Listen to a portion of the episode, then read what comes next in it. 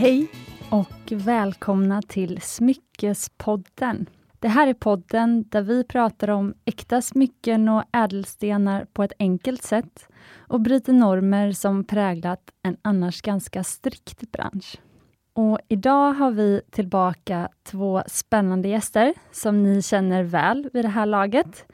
Det är gemologerna och smyckesexperterna Carolina Tur och Victoria Astudio. Vem varmt välkomna tillbaka. Tack. Tack så mycket. Och ni börjar ju bli varma i kläderna vid det här laget. Det känns ju så. Ja, det, det känns, det är tack det vare känns dig. som att äntligen eh, podddags igen. Ja. Det här är ju fjärde avsnittet som vi har Carolina och eh, Victoria med oss i studion. Och i det första avsnittet, det var avsnitt 19 för dig som vill gå tillbaka. Där pratade vi om en av de frågor som vi får ganska ofta till Mumbai Stockholm, som är det smyckesmärket som jag driver sedan sju år tillbaka. Och det är vad man kan göra med de där gamla äkta smyckena som man kanske har ärvt och som man kanske inte riktigt trivs med eller som man gillar men som kanske inte passar in i ens smyckesgarderob som de är. Och vad kan man då göra med dem? Och i de två senare avsnitten, som var avsnitt 22 och avsnitt 23, då pratade vi om smyckeshistoria. Så för dig som är nyfiken på kanske varför vi bär de smycken som vi gör idag och vilka smycken man bar tidigare i historien, då kan ni gå tillbaka och lyssna på de avsnitten. Idag så ska vi prata om något annat, nämligen diamanter. Och det är ju ett väldigt spännande ämne och något som det finns redan ett avsnitt om, som, där vi lär oss lite mer precis om diamanter. Så för dig som inte har någon aning om till exempel hur man värderar en diamant eller som inte ja, men som vill ha lite mer bakgrund till diamanter så kan man lyssna på det avsnittet. Men idag så ska Carolina och Victoria dela lite mer deras syn på diamanter. De är ju experter inom ädelstenar. Så ja, vi kör igång! Jättekul! Ja, ja, diamanter kan man ju prata om hur mycket som helst också nästan. Det är, alla vet väl kanske mer eller mindre vad en diamant är och har säkert någon personlig historia till en diamant också, kan jag tänka mig. Ja, jag tror också det. Är det någon ädelsten som man har något hum om eller vet, känner igen i alla fall, så är det ju diamant, tror jag. Mm. Mm. Vad har ni för relationer till diamanter?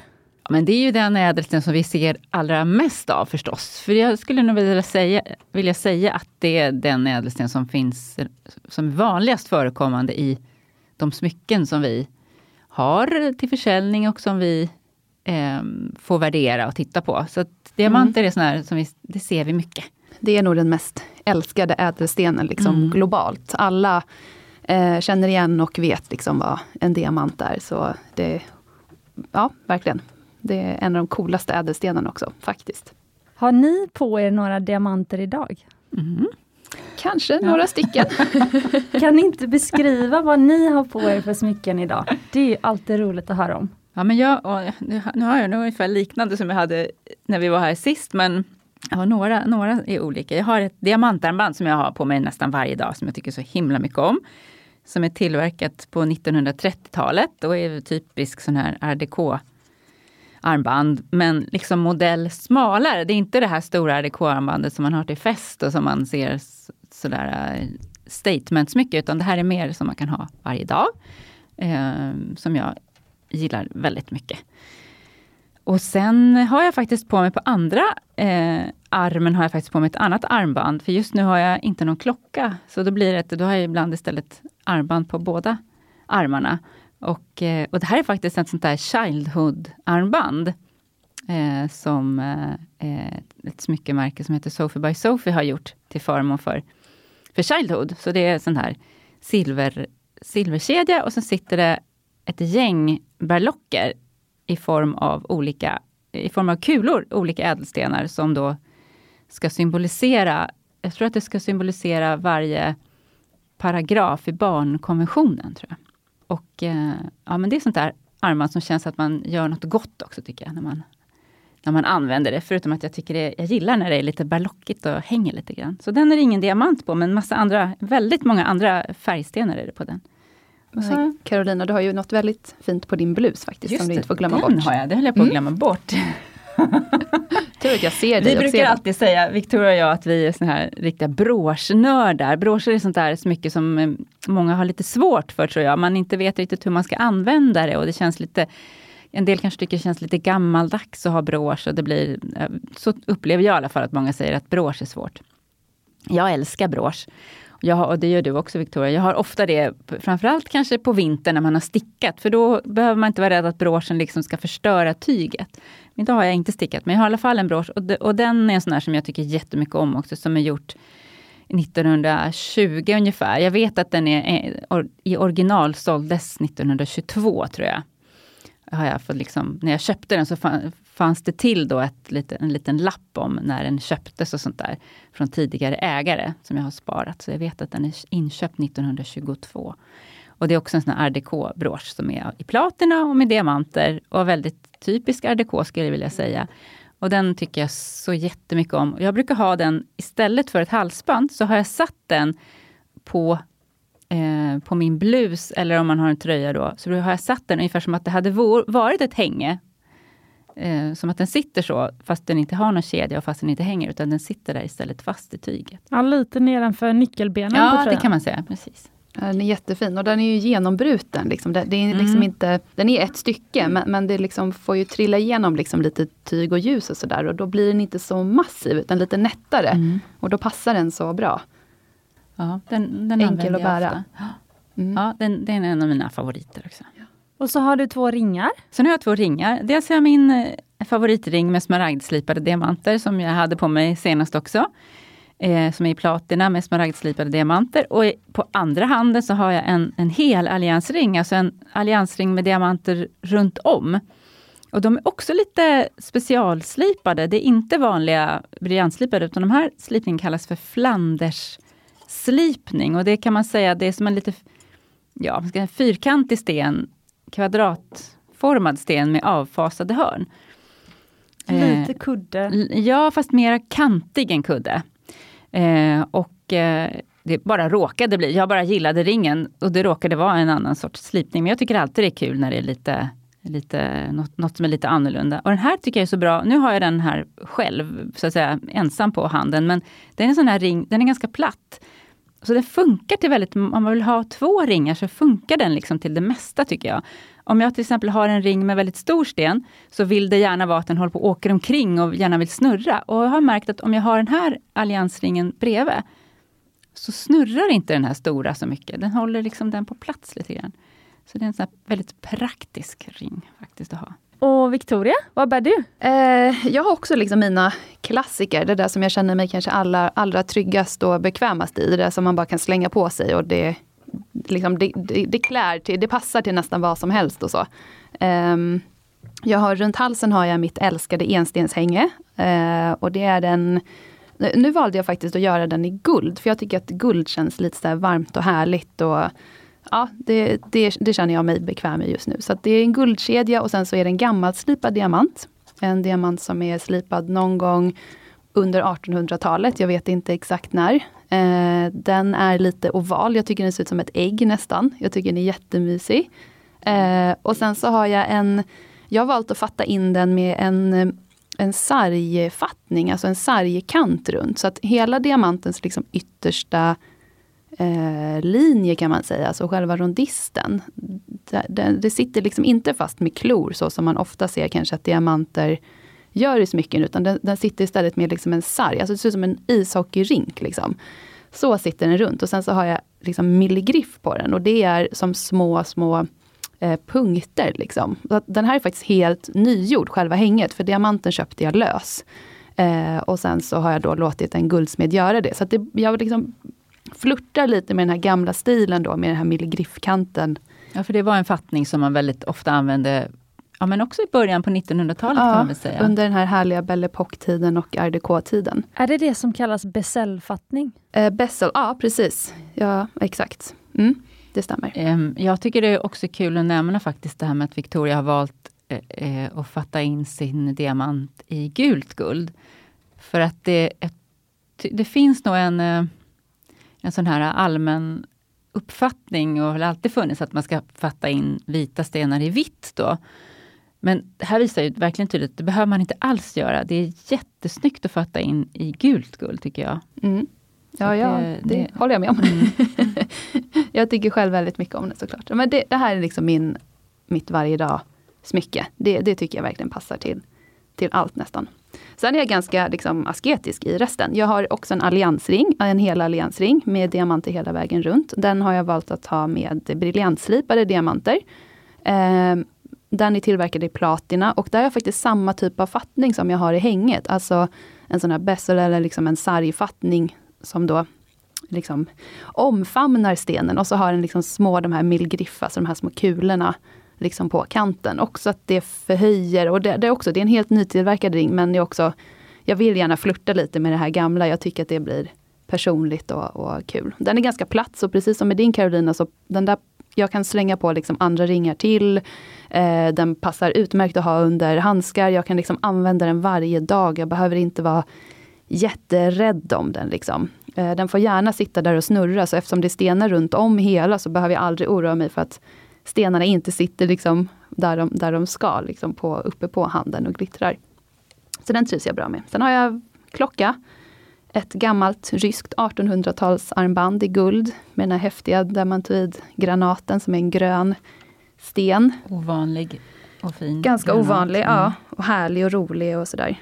Ehm, också lite rosenslipade diamanter sitter i det armbandet. Så en liten enklare slipning men väldigt vanlig under många århundraden. Och så har jag blandat med lite eh, märkessmycken. också.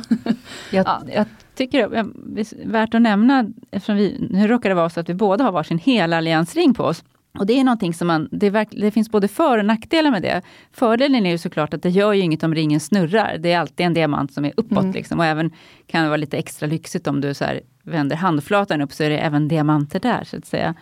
Och det är lite häftigt. Eh, men nackdelen är att man måste vara lite extra försiktig eftersom de stenar som sitter ner i handflatan är ju de som kommer i kontakt med om du lyfter eller bär någonting eller så. Och då mm. är de ju mycket mer de lever lite farligt ja, där. Precis, liksom man måste tänka så man inte förstör ja. dem. För trots att diamant är världens hårdaste material så kan en diamant gå sönder. Och det är alltid mer risk om man har en hel alliansring att en diamant går sönder. Så mer försiktighet om man har en sån. Men Det är bra. Vi kan faktiskt eh, pausa lite där och prata lite om det.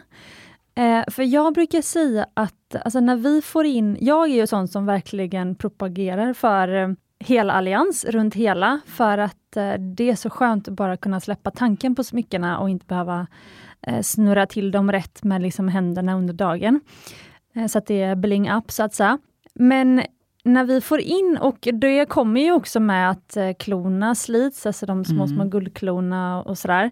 Eh, och när vi får in att någon har tappat till exempel en sten, då är det ju nästan alltid alltså klorna som har mm. gått sönder. Det är sällan vi får in en intakt fattning och så har stenen bara ploppat ur, utan då är det fattningen som har liksom... Mm. Mm. Men, men ni, då säger du Carolina att eh, det är stenen som har gått sönder? Nej, inte alltid, men det kan också vara det. Mm. För att om du, om du, låt säga att du har en, eh, en helalliansring, så ska du lyfta någonting tungt. Till exempel en tung skottkärra eller någonting sånt där. Då tar du ett grepp om skottkärran eller om vad det nu är du ska ha, ta. Och så liksom får du ett tryck då, som är mot, eh, mot din ring, där diamanterna sitter. Och då kan det vara så att try, trycker man på fel ställe, så kan diamanten gå sönder där det blir som en spänning liksom mm. i diamanten nästan när den sitter, mm. eller kan bli då såklart, när den sitter liksom i själva fattningen, alltså i metallen som liksom håller den fast på ett sätt och så kommer liksom sen ett yttre tryck då på ett annat sätt och då kan liksom de där spänningarna liksom göra att det, mm. att, att det kan gå, gå sönder. Det behöver inte gå mitt i tu, det kan gå en liten flisa eller ja, det kan vara Eller liksom en sånt. klassiker är om du ska applådera till exempel och så har du ringar på båda händerna och så applåderar du så här du slår ihop händerna, då slås ju ringarna mot varandra. Och då kan man ju slå mm. så att en sten går sönder eller att en fattning går av eller någonting sånt där. Ja. Eller att det överhuvudtaget blir vibration kan det också vara. Så att, så att även om du inte har en diamant precis där i handflatan, utan diamanten sitter ut, ut från handen, så kan ändå sån här, att du får applådera, är verkligen sånt där man slår två ringar hårt mot, varandra under lång tid. Eller lång tid, men det beror på om det är en lång applåd. så, så, alltså, det är sådana där saker som kan göra att det på sikt eh, gör att stenarna ja. hoppar ur sin fattning. Ja precis, för det kanske inte heller alltid är liksom just, just, i den stunden, utan det kan vara att det är liksom ett pågående slitage, eller vad man ska säga, som händer runt, över en tid. Men, men du har helt rätt Cecilia, för att det, ofta är det ju också själva alltså materialet runt ja, omkring som, som är kanske den svaga länken om man ska säga så. Och det, liksom, guld är ju egentligen ett ganska mjukt material. Um, så det är inte så himla konstigt att det blir slitage, för det är ganska lite material som sitter runt varje ädelsten. Och det, så vill man ju ofta ha det också, för man vill ju få in det här liksom ljuset och man vill att det ska glittra liksom extra mycket. Så det är inte konstigt att, eh, att det blir så. Så därför är det ju viktigt att man besöker då sin eh, guldsmed vid eh, ja, men kanske varje, en gång per år i varje fall och liksom får en översyn, alltså att man tittar över sin ring. För det är mycket lättare kanske att justera då än att liksom börja om från början om man tappar en sten. Det är lättare att justera liksom den som sitter där och kanske bygga på materialet i ringen. Ja, precis. Om guldsmeden ser kanske att en fattning är på mm. väg att bli sliten eller ringen eller stenen kanske sitter lös i fattningen. Mm. Så justerar man det innan man tappar den. Mm. Det är ett bra tips tycker jag till lyssnarna. Att gå, precis som ni lämnar in bilen på service mm. en gång om året, så lämnar ni faktiskt in smyckena, de som ni använder ofta. Ja, det kan vara bra att göra liksom, nu på sommaren till exempel. Då vet man att ja, men varje sommar så lämnar jag in det till exempel till Guldsmeden. Eller mm. innan jul eller vid en födelsedag eller något sånt där. Så får man rutin på det. Ja, så låter man liksom ett proffs titta igenom. Behövs det göras något eller klarar det sig ett år till? Ja. Och sådär. Ja, det är, bra, det är en bra försäkring. Liksom, att mm. Verkligen. Det är ett bra tips och eh, vi erbjuder ju faktiskt som fri service, generell service, eller general service som vi kallar det, vartannat år. Mm, det lämnar man in på rengöring varje år. Det är toppen. Det borde fler göra tycker jag. Absolut. För då blir det av att man kommer in med sina smycken. Kanske ja, också, och då får man rutinen mm. på det. Och då får kunden rutin liksom, och göra det verkligen. Ja, det är toppen. Gud vad bra. Ja men intressant. Sen så eh, Carolina, jag sparade en tanke här för att du sa att du hade en Art ring Nej, Art brosch. Ja. Bara, ja, brosch har jag. Och ja. Eh, armbandet. Ja, Just det, ditt armband, ja. exakt. Mm. Mm. Eh, vad är Art Det är den perioden av historien som vi inte eh, hann Just gå det, in den på. hann vi inte prata igenom förra gången, vi pratade så mycket. Ja, det är den som är, man brukar, från 20-talet eh, Eh, och kanske egentligen under hela 30-talet får man säga också, då, 20 och 30-tal. Och som liksom nådde sin kulmen 1925 på världsutställningen i Paris. När den här stilen visades och då var det ju arkitektur och möbler och konst och allting. Och det är ju liksom en stil som vi, alltså den moderna människan idag fortfarande verkligen kan ta till sig, tycker jag vi märker på, alltså inte bara när det gäller smycken utan överhuvudtaget i arkitektur och sådär. Att det är, en, det är en stil som många tycker är väldigt snygg och stilren och väldigt modern. Trots att är hund, den är hundra år gammal så tycker man att den är så supermodern.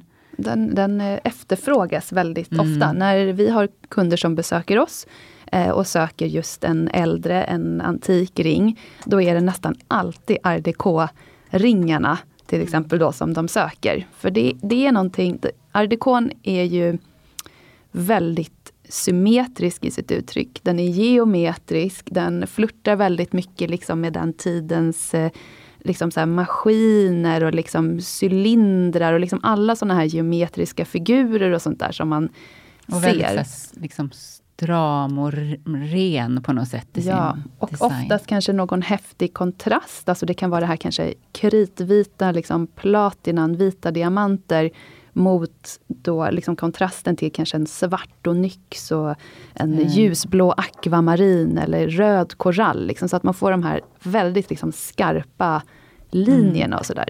Men det är verkligen skitsnyggt. Mm. Ja, det, det, jag, jag är väldigt svar för RDK som nog många med mig Men jag tror också att det kan ha att göra med att den, de liksom hotellen vi tycker är häftiga nu och Ja. den inredning och möbler vi tycker är häftiga. Och även liksom från 60-talet, alltså där kommer ju art déco in. Och, så, Mm, det här strama liksom. och så åker man på semester nu till härliga hotell och där har man också inspirerats av art déco. Alltså så att det kanske har blivit liksom, det kanske blir en eh, ny, nymodern En renässans på art. Ja, precis. Ja. Och jag tror kanske även, ja, nu kanske jag är lite fördomsfull, men man tänker att vi, vi, vi i Norden har ofta en förkärlek för det här som är, som är liksom väldigt stramt och, och rent och sådär. Eh, det tycker jag många säger att de gillar. Det här, jag gillar när det ska vara stramt och enkelt. Och på något vis är ju décon bra då. Den, den, den passar ju in där väldigt bra. Ja, den tilltalar många. Mm. Den är enkel att, att tycka om. Mm. Verkligen. Och passar också till den typen av kläder. Man tänker moderna kläder. Är det liksom lättare på något vis att kombinera med déco? Som, än om du skulle ta något viktorianskt smycke som är ju jättesnyggt. Men då måste du kanske tänka igenom din outfit lite Mm. mer för att det ska passa kanske. De är ju motsatserna kan ja, man de är nästan säga. motsatserna. Men det kan ju också vara väldigt snyggt om du har någonting väldigt modernt i liksom klädstil och så har du en, någon, ett, ett viktorianskt smycke som är super 1800-tal. Det kan ju Mm. bli jättesnygg kontrast, men det kanske att det, måste, det kräver att du har tänkt igenom lite mer kanske då. Eh, och liksom lättare att slänga på sig ett Mm. art Det är déco-armband lättare som- att kombinera Mm. kanske också. Med andra smycken och kläder och så. Mm.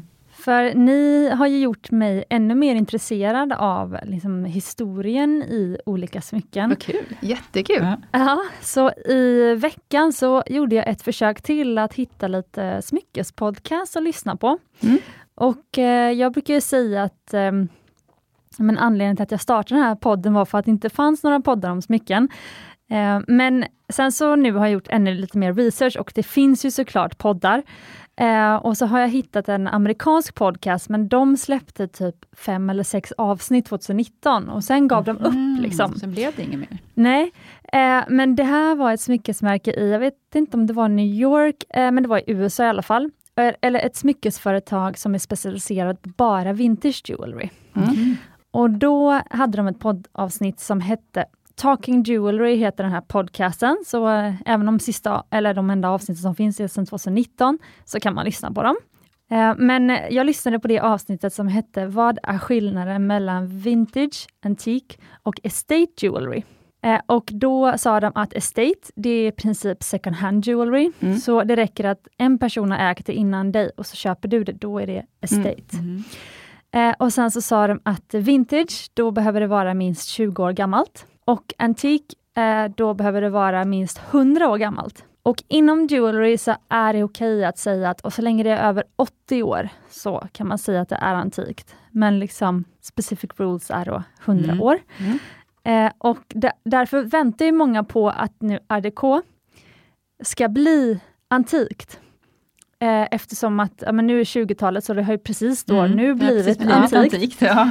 Eh, men kan man då, skulle man då kunna spekulera i att om man köper liksom art déco-smycken från 1925 till exempel, kommer de liksom öka i värde då om man köper dem nu och så liksom 2025, då har de blivit antikt? Jaha, när de har blivit antikt? Nej, det tror jag inte, men däremot så är det ju Alltså det, det, det är nog den stilen som är absolut mest populär och kanske den som är den dyrast också då eftersom det är fler, fler som vill ha det. Jag, jag tror att eh, om man ska prata liksom sådana årtal, då måste kanske ett smycke ha varit utställt just kanske på den där världsutställningen det året och presenterats och sådär. Då tror jag att det kan vara väldigt viktigt med just liksom ett specifikt år. Eh, men annars tror jag liksom smycken, då är det liksom som du sa, lite mer generellt kanske. Det kan vara 100-ish år. Det behöver inte vara liksom exakt Mm. på på datumet. Så. Men det är, jag tycker det är hisnande att tänka att art décon som känns så trendig och modern är liksom snart 100, år. Ja, det Ja, känns det är jättekonstigt. Sen så berättar de också om vad hero, eller heirloom, så uttalas det väl, jewelry är. För att då sa de att de hade många kunder som kom till dem med en heirloom diamond och så bara, den ska vara värd jättemycket pengar och kan du göra det här till ett smycke? Och, eller ta ut och göra det här till ett nytt smycke och så vidare. Eh, och så bara, vad är egentligen heirloom? Och då räcker det liksom inte att det var från, det är liksom passed down från, från ens mamma och knappt ens mormor, eller farfar eller vem det är. Eh, utan heirloom måste vara att det är många generationer. Och då sa de också det att om man är i en familj där man inte har några liksom släktsmycken som har gått ner, då kan man ju själv när man bygger sin smyckesamling liksom starta heirloom traditions, alltså det smycke som du har idag och köper idag, eh, liksom två eller tre generationer ner, så har det blivit heirloom. I det är starten på det. Liksom, på det är det. väl en jättehärlig ja. tanke att mm. tänka så att man ska starta liksom ett familjetraditionssmycket kan börja med dig nu. Ja. Det är jättehäftigt. Det tycker tanke. jag är jättehäftigt. Ja, absolut. Ja.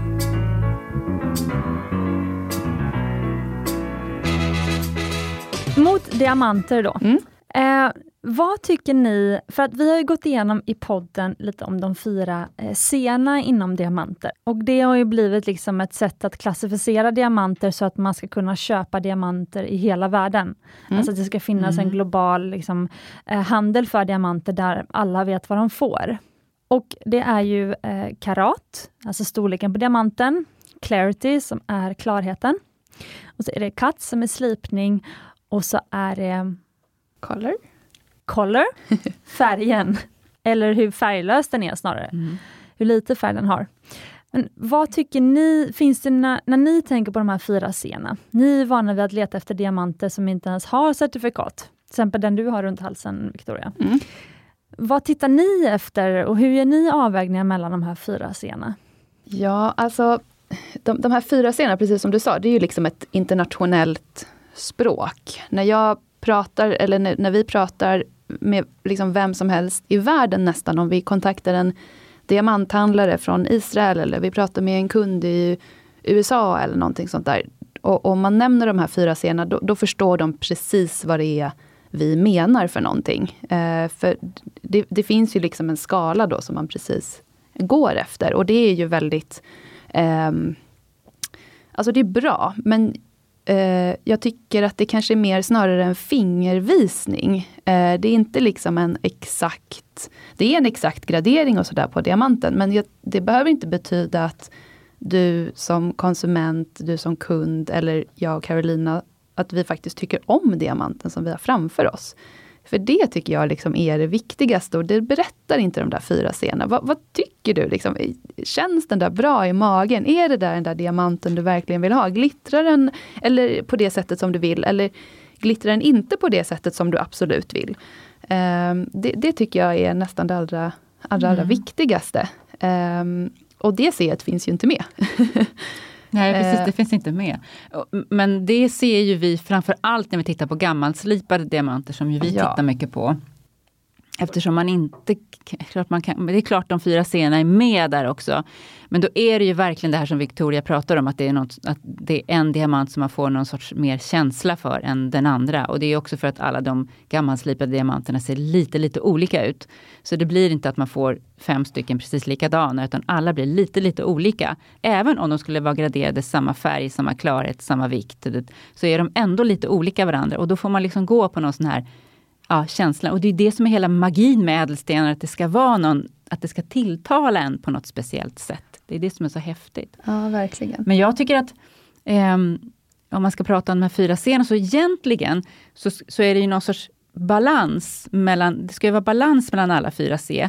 Det går ju inte att bara ett av de här scenerna är topp och de andra är jättedåliga. Då blir det fortfarande ingen speciellt kul sten, utan det måste vara någorlunda balans i alla. Det får inte vara ett av scenerna som är jättedåligt, för då drar den liksom ner hela stenen. Om det till exempel är en jättebra färg, stor sten som är bra slipad men som har en, bara, den är bara helt full av inneslutningar så att, man inte, så att ljuset inte liksom kan falla runt i stenen som den ska. Då, då spelar det ingen roll hur bra de andra scenerna är, för då har det här klarhetsseet dragit ner allting. Men, och, och väldigt mycket tycker jag vilket, man, vilket ses som är viktigast, har nog väldigt mycket att göra med liksom ens egna personliga preferenser. Precis, Någon, vad är man ute efter ja, liksom själv? Vill man ha den här jättebumlingen till sten, man kanske vill ha en enorm liksom, karat, alltså vikt på då den. Då är ju det set det viktigaste Då är det det viktigaste och då kanske det inte spelar någon roll om den går lite åt det gula eller att den kanske inte har den bästa slipningen. Den kanske är slipad ganska platt så att den ser större ut till exempel. Men då bryter ju inte ljuset. Eh, eller så vill man ha jättebra kvalitet. eh, på sin diamant, att man vill ha just den här fina färgen eller icke-färgen då och en väldigt klar sten. Men då kanske man får gå ner i karat lite. Då kanske det får bli liksom en liten men den är då kanske jätte, jättefin liksom klarhet och färg och så. Men om jag ska tänka så här personligen så tänker jag så här. Det, det ser, som man egentligen inte kan se med blotta ögat, det är ju clarity, alltså klarheten. Om den inte då är väldigt, väldigt mycket inneslutningar, då kan man ju se med blotta ögat. Men färgen kan man ju se med blotta ögat. Slipningen kan man se med blotta ögat. Ja, och vikten, man kan ju se om den är stor eller liten så att säga. Så att de scenerna kanske egentligen är viktigare och då är ju nog egentligen för mig det allra viktigaste set är ju egentligen slipningen. För det är den som gör om diamanten glittrar till en eller inte. Men jag skulle vilja säga att de allra flesta diamanter, moderna diamanter som säljs idag, har ju väldigt bra slipning. Det, det är sällan vi ser av, bland nya diamanter någon som är riktigt dåligt slipad. Mm. Så att om den är då slipning mycket god eller god, det kanske inte spelar jättestor roll. Men däremot ska det inte vara en slipning som är sämre, för då kan du se det med blotta ögat och då drar det ner. Eh, men som sagt, vi är så vana i, i, Sverige vid att se bara bra slipningar, så jag skulle säga att många har nog inte ens sett en dåligt Vi är nog ganska bortskämda här mm. faktiskt, eh, med att se diamanter som har, alltså vår lägsta nivå är liksom en väldigt hög nivå. Mm. Eh, även om det kanske låter lite så här, åh det där är en Wesselton, alltså en HSI. Alltså det är ingen dålig sten. En HSI-sten är liksom en bra sten. Det är bara att man jämför med de där som är ännu mycket bättre. Um, ja, sen är det väl det där också att man, om, om, om man kan få något som är lite bättre så vill man kanske ha det. I, ja, inte, inte för min egen del, men, men, men många kan nog vara så. Men jag tänker just att slipningen är någonting som, verkligen, som man verkligen ser. Med, om det är en dåligt slipad sten så, så kan man se det, så att, ja. säga, att den inte glittrar så bra. Och det handlar ju inte om alltså, vilken slipning. Det handlar inte om den är briljantslipad Nej. eller hjärtslipad eller droppslipad. Utan det handlar liksom om hur väl slipad mm. den är. Alltså hur proportionerna, liksom symmetrin i diamanten. Mm. Hur liksom vinklarna möter varandra. Just för att man ska få det här maximala glittret tillbaka. Ja, så det är, den, ja, det är nog den som är viktigast för mig personligen om jag ska välja ett C. Jag håller nog också mm. med. Och det är just för att jag också är så fruktansvärt förälskad i de här gammalslipade diamanterna. För precis som vi har pratat om vid något av de andra eh, avsnitten, så är gemologin är en ganska ny vetenskap. Eh, liksom, den, den, har den föddes liksom på början utav 1900-talet. Och, men, men som vi också vet, då, när vi har pratat lite historia, så har ju diamanter funnits liksom i århundraden, årtusenden. Och innan dess har man ju inte då graderat diamanterna. Man har inte brytt sig om liksom, om en är lite gulare än den andra eller någon kanske har lite rosa eller grönt eller blått eller vad det nu kan vara.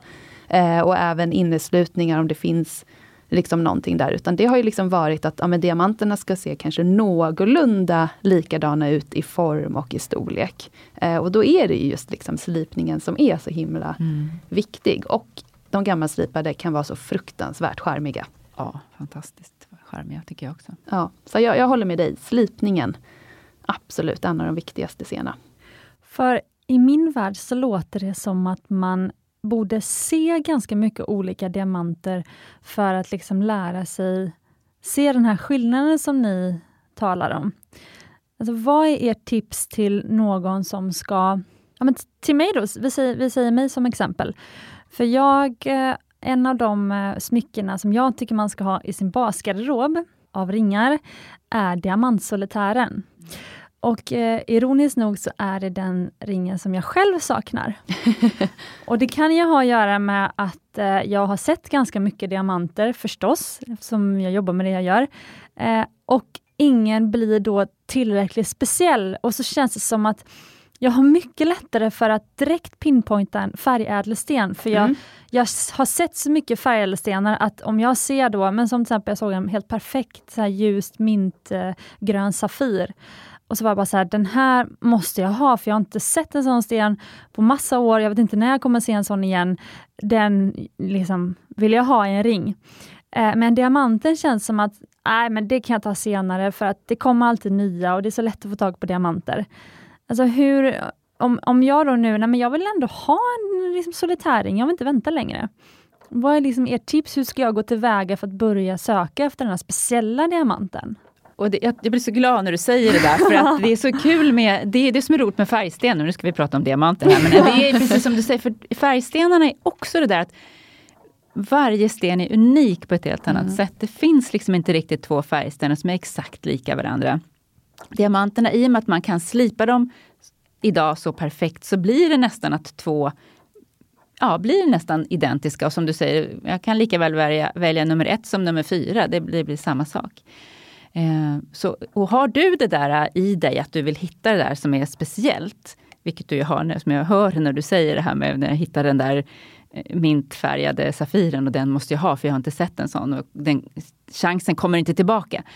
Då kanske just du skulle också ha en diamant som det är någonting annorlunda med, som kanske är en annorlunda slipning, alltså en annorlunda form. Eller kanske en gammalslipad, för då blir det också det här, den där kommer jag aldrig mer hitta igen.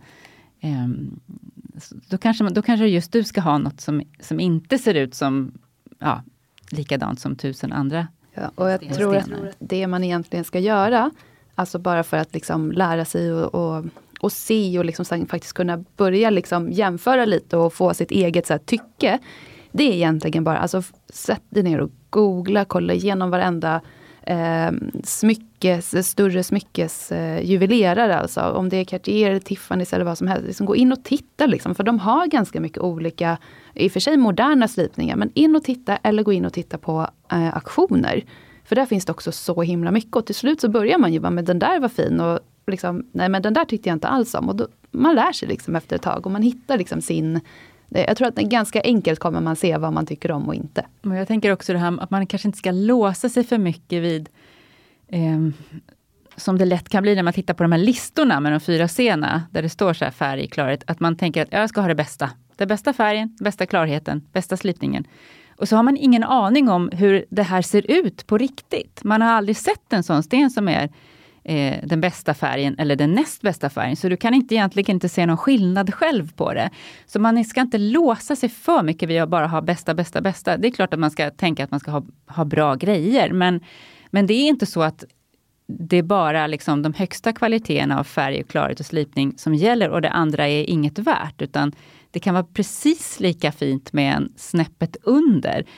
Och det är det jag menar också med till exempel med klarheten. att Klarheten är ju bedömningen som är gjord när man använder 10 gångers förstoring. Ett vant öga tio, som tittar i 10 gångers förstoring. Och då om man kan se en inneslutning eller om, eller om inneslutningen är svår att ens upptäcka. Det är ju ingen lekman som överhuvudtaget kan, framförallt inte när du har eh, stenen på fingret, kan ju ingen se om det är då en eh, en eh, eh IF, alltså en som är internally flawless, eller en som är SI1. Eh, och, och, jag tycker kanske också att det kan vara charmigt med en inneslutning för att jag ser att det är någonting som är naturligt och det kanske finns en liten... En identitet för den en stenen också. För den kan stenen. ju vara en inneslutning. Ja, och det kan också vara så om man har tur så kan inneslutningen vara i form av en liten, liten kristall av till exempel en granat eller en annan diamant som sitter i och då blir det ju helmagiskt. Eller någon häftig rolig inneslutning ja. som ser ut som, alltså man kanske tänker att åh gud, nu ser det ut som eh, ett akvarium eh, i ett vatten, mm. under vatten eller liksom något sånt där som gör det unikt för just din sten. Och det tycker, med färgstenar just, då bryr man sig inte alls lika mycket om inneslutningar. Alltså då gör det ingenting om det är lite inneslutningar, då kan det vara en charmig grej. Då, precis som Victoria sa, då kan man tycka, men gud det ser ut som ett litet, som ett litet akvarium här i den här stenen.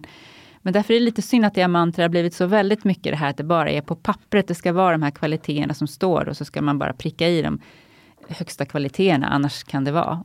För, för, så är det inte på riktigt tycker jag. Det, det, är inte alls så att en sten är, är mycket, mycket bättre bara för att den är IF eller istället för VS till exempel, mm. som är några snäpp ner. Vi brukar ju också ofta säga att om, om vi söker en diamant till en kund till exempel, eh, som då ofta så brukar våra kunder veta att de vill ha ungefär, de vill ha den slipningen, ungefär den karaten, ungefär den färgen och ungefär den eh, klarheten.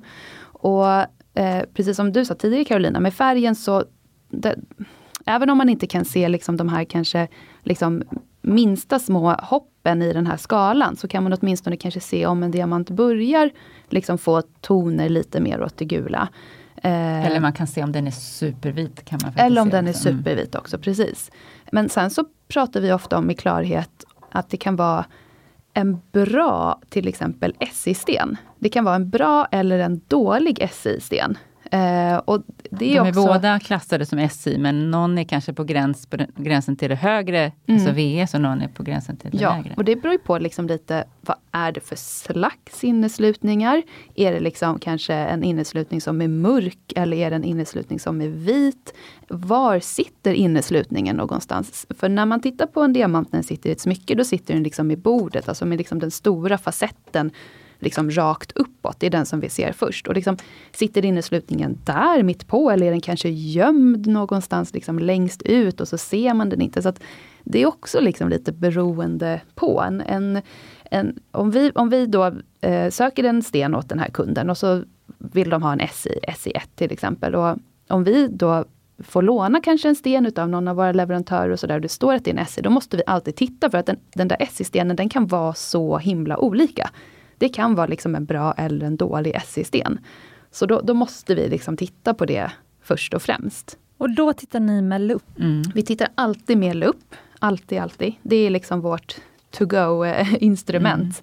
Det har vi alltid, det ligger alltid en lupp i väskan. För kommer någon annan än er se den där inneslutningen? Det är ju det. Nej, troligen inte. Nej. Men samtidigt är det så viktigt då att den klassas eh, i diamanten för att den då tillsammans med de andra scenerna, det är ju det som avgör vad den ska kosta. Så det har mer att göra med ett andrahandsvärde också? Och ett nyvärde. nyvärdet. Ja, precis. Och, och där, det, där brukar det också vara, om, om, du, om man börjar med att fråga vad, vad vill du ha ungefär för kvalitet på diamanten, så är det kanske många som säger, ja men då tar vi det bästa. Den högsta färgen, jag tar en eh, D, alltså högsta färgen då, och jag tar en IF. Men sen när man, okej, då tar man fram priset på den, då kanske det plötsligt då kanske det plötsligt är också en faktor som spelar in och då kanske man tänker att jag kanske inte behöver ha den här allra, allra högsta kvaliteten, för det blir så mycket dyrare. Det känns inte värt att betala de där extra pengarna mer för någonting som jag inte kan se någon skillnad på.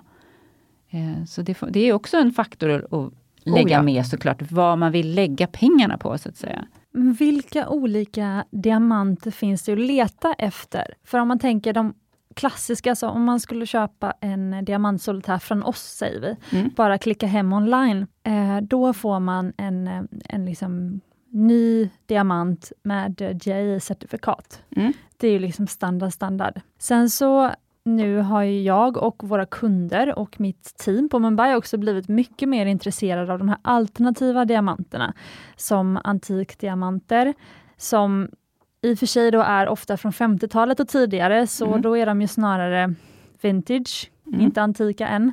Eh, Men de kan ju också vara ända bak till liksom tidigt 1900-tal. Eh, Det är kanske är det du kallar gammalslipad, eh, Victoria? Ja, men jag, precis. Jag tror att vi, vi pratar nog om, om samma sak. Gammalslipad för mig, då pratar jag egentligen om liksom, riktigt gamla diamanter, alltså fram till liksom, ja, men början på 1900-talet någonstans. Sen kan man kalla det för tidigt briljantslipad eller mediumslipad. Det, det finns liksom lite olika ord för det egentligen. För kan man också köpa nya diamanter om man säger, alltså man kanske inte hittar en antikdiamant men man vill ändå ha en sån fint, lite personligt slipad.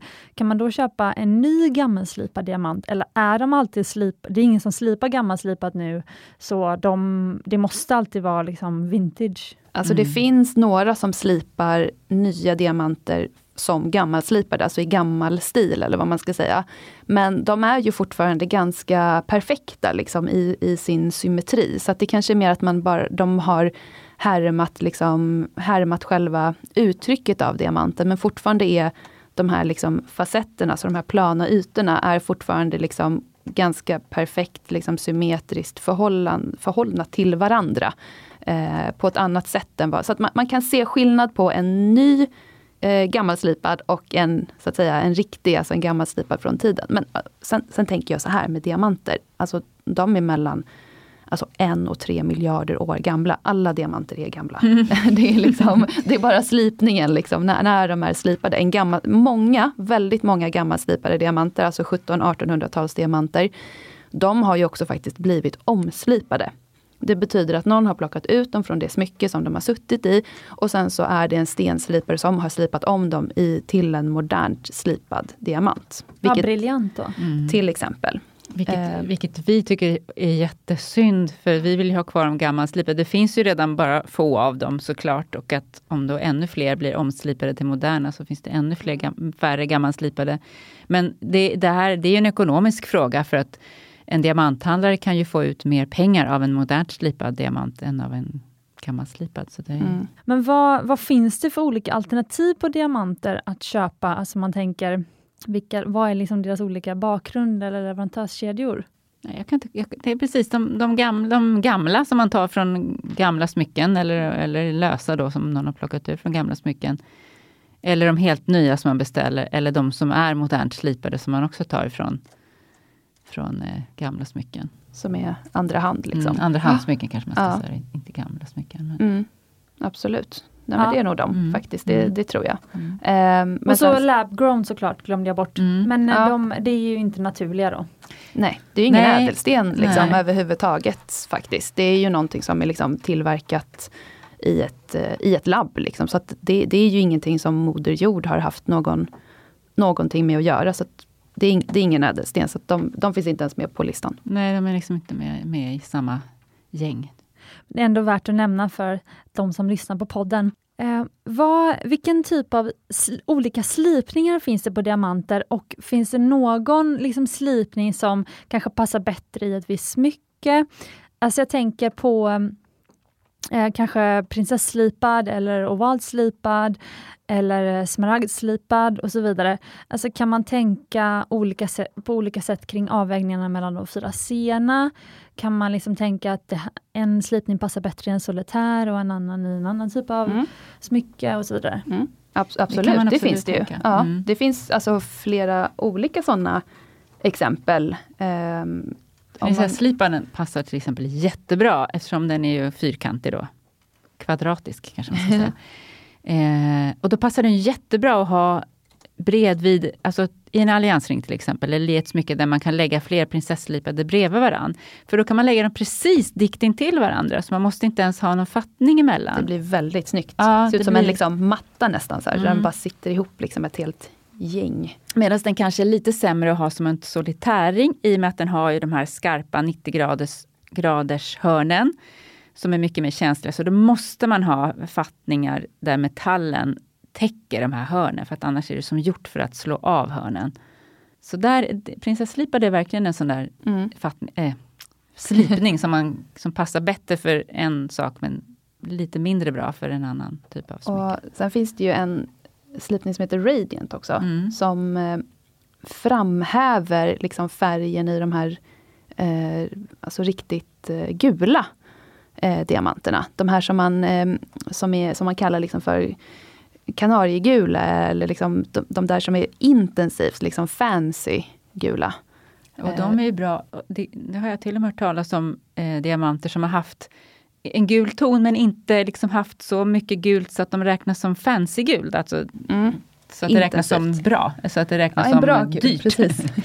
eh, men slipar man om dem med radiant-slipning, då framhäver det som Victoria sa färgen. Så då kan de plötsligt klassas som fancy gul istället och då blir de mycket mer värda. Då liksom hamnar de på andra sidan Ja. av skalan men ändå liksom priset bara sticker iväg.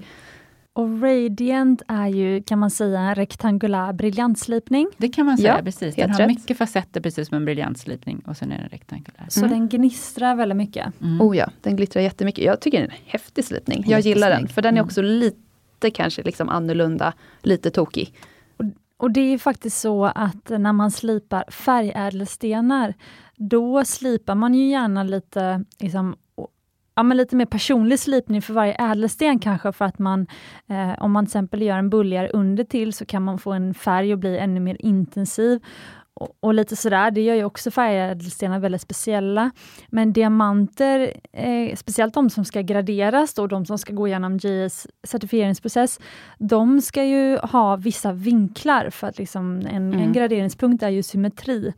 Så diamanter där blir liksom mycket mer, alltså, och vinklarna då gör ju då att de eh, gnistrar på ett visst sätt. Och det är därför man standardiserade diamantslipningen på de färglösa diamanterna eller vita diamanterna så mycket. Mm. Precis, för där är ju det viktigaste hur ljuset återkastas Mm. för att det ska bli så mycket glitter som möjligt. Medan precis som du sa, Cecilia, i färgstenarna är ju själva färgen som är viktigast. Så då kan man göra en slipning för att det ska framhäva färgen så mycket som möjligt. Och därför man ibland kan se också färgstenar som ser nästan lite snea ut på eh, underdelen. Att de är, de är inte alls symmetriska i underdelen. Och det har ju att göra med att man vill försöka få fram färgen på ett sånt bra sätt som möjligt. Och ändå behålla så mycket vikt som mm. möjligt, alltså karat. Precis. Så eh, många större färgelserna vi köper har ju, de ser runda ut, men det kallas inte briljant för de har inte liksom den, de eh, vinklarna som en, diamant, äh, en briljant ska ha, utan då kallas det till exempel portugisslipad. Mm. Så många morganiter, när vi letar efter de här ljusrosa, runda morganiterna, då har de en portugisslipning som är mycket mer bullig undertill. Och det är för att få fram den rosa färgen Precis. Mm. Mm. mm. Och det passar ju väldigt bra just till liksom morganit och den typen av sten. Absolut. det var faktiskt också därför som vi, vi, vi började liksom fasa ut mindre morganiter som hade, var eh, 4 mm i diameter till exempel. För att de hade liksom inte tillräckligt mycket material för att bli liksom rosa. Nej. Så de såg nästan ut som dåligt slipade smutsrosa diamanter. Ja, mm. ja men ja. precis. Och det, det, är ju, det är ju väldigt det är väldigt fascinerande egentligen att tänka att det kan göra, det är fortfarande samma råmaterial ta den ljust rosa morganiten. Men slipar du den på ett sätt, kanske om du skulle briljantslipa den, då kanske den kan gnistra bra. Men du förlorar i färg, du får inte den så rosa och eh, färgen så intensiv som du vill. Medan om du slipar den i en annan sorts slipning, då får du verkligen fram färgen. Så då kan råmaterialet presentera en helt annan, mm. liksom en helt annan, en helt annan sten.